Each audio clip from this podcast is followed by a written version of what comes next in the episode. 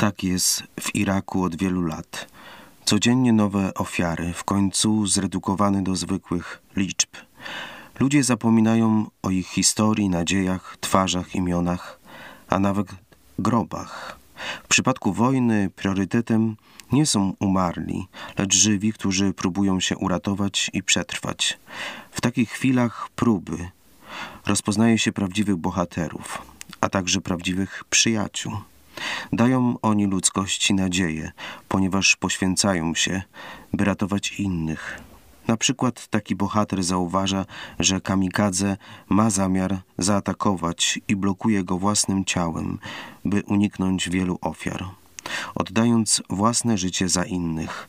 Są i tacy, którzy chcieli poświęcić się w inny sposób ojczyźnie, obywatelom i wiernym, aby służyć przy ołtarzu ukrzyżowanego i zmartwychwstałego Pana, nauczając wartości takich jak wiara, nadzieja, miłość, pokój, przebaczenie, pojednanie, solidarność, szacunek, wolność i jedność. Niestety zapłatą dla niektórych z nich była okrutna śmierć i chociaż byli bohaterami, są często niemal całkowicie zapomnieni. Dlatego chcemy zachować pamięć bohatera i męczennika, księdza Rakheda Ganiego, który poświęcił życie Chrystusowi i własną krew przelał dla Kościoła. Ci, którzy go znali, nie zapomnieli o tym, ale jak dotąd nie napisano o nim żadnej książki. Jego diecezja 40 dnia po męczeństwie opublikowała zbiór listów kondolencyjnych po arabsku, w których osoby znające go wyrażały swój ból. Prześladowania w Iraku w tych latach nie pozwoliły zrobić nic więcej dla upamiętnienia go. Rok później został zabity również jego biskup, a sytuacja pogarszała się z dnia na dzień aż do narodzin islamskiego państwa w Iraku i może na całym Bliskim Wschodzie. ISIS, które próbowało wymazać tysiącletnią chrześcijańską obecność na równinie Niniwy.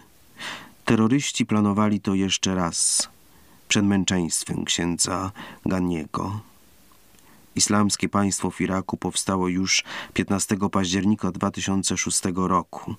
Piękna parafia młodego proboszcza jest dziś całkowicie zbezczeszczona i zrujnowana.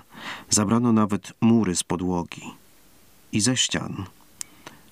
Zabrano marmury i wszelkie kosztowności. Stan kościoła niestety odbiega od normy, bo wszystkie kościoły, klasztory, domy, posiadłości nawet groby chrześcijan są w tych czasach traktowane barbarzyńsko. Grobu księdza Ganniego również nie pozostawiono w spokoju. Po wyzwoleniu wioski Karemles wrogowie ludzkości zniszczyli nagrobek, na którym diecezja streściła całe jego życie – Intencją dżihadystów było i jest wymazać wszelkie ślady życia i męczeństwa tego młodego człowieka i bohaterskiego księdza.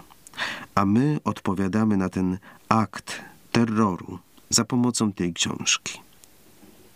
To fragment nowej publikacji pod tytułem To zdjęcie będzie na mój pogrzeb, która jest opowieścią o męczeńskiej śmierci katolickiego księdza w Iraku.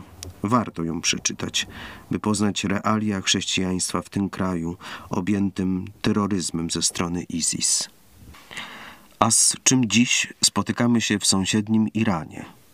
Krótko po tym, jak Stany Zjednoczone nałożyły nowe sankcje gospodarcze na Iran, arcybiskup Teheranu, który jest także przewodniczącym irańskiej konferencji biskupów, rozmawiał z przedstawicielami pomocy Kościołowi w potrzebie.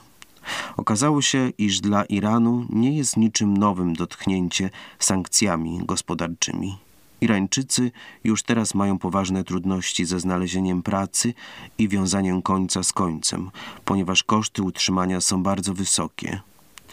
Nie żądają żadnych poważnych zmian politycznych, chcą tylko pracy i jedzenia.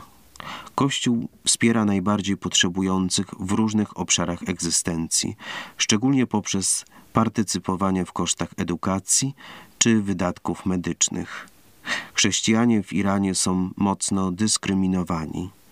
Nie wolno im zajmować pewnych stanowisk, na przykład dyrektorów szkół.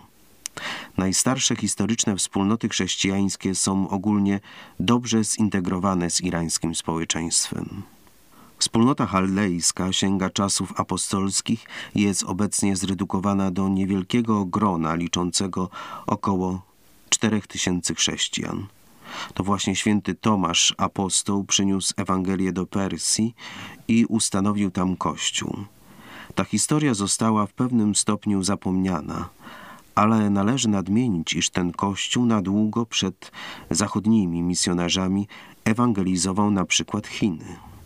Obecnie przechodzi nowy kryzys, który rozpoczął się od rewolucji Chomeiniego w 1979 roku. Wszystkie katolickie szkoły i szpitale zostały zamknięte, co znacznie zmniejszyło chrześcijańską obecność w społeczeństwie irańskim. Spójrzmy w oczy historii. Chrześcijanie w Iranie zawsze cierpieli z powodu prześladowań, czy to pod perskim imperium Sasanidów, czy też w czasie inwazji mongolskich. Sam Jezus ostrzegał uczniów w Ewangelii, że będą prześladowani z powodu Jego imienia. Ewangelia odpowiada najgłębszym aspiracjom człowieka, a jej proklamacji towarzyszą prześladowania. Kościół bez męczenników byłby jak drzewo bez owoców. Czy to oznacza, że chrześcijanie w Iranie mogą zniknąć? Jest oczywiste, że masowy eksodus chrześcijan, w szczególności młodych, jest powodem do niepokoju. Niemniej jednak nie powinniśmy patrzeć na sytuację z perspektywy jedynie ludzkiej. Siła i dynamika wspólnoty chrześcijańskiej nie zależy przecież jedynie od liczby. Jak zauważa arcybiskup Teheranu, liczy się tylko to, czy możemy świadczyć o naszej wierze. I to możemy zrobić bez rozgłosu lub autopromocji, ale po prostu przez nasze zwyczajne życie. Widzimy tego owoce, ponieważ muzułmanie przychodzą do nas i chcą się uczyć przesłania Ewangelii. Kiedy pytasz ich, co ich do tego doprowadziło, często odpowiadają, że to dlatego, że mają chrześcijańskiego sąsiada, za którego przykładem sami chcą podążać. Ile dobrego Kościół w Europie może się obecnie nauczyć od świadków wiary z Iraku czy Iranu? Ksiądz Andrzej Paś, pomoc Kościołowi w potrzebie.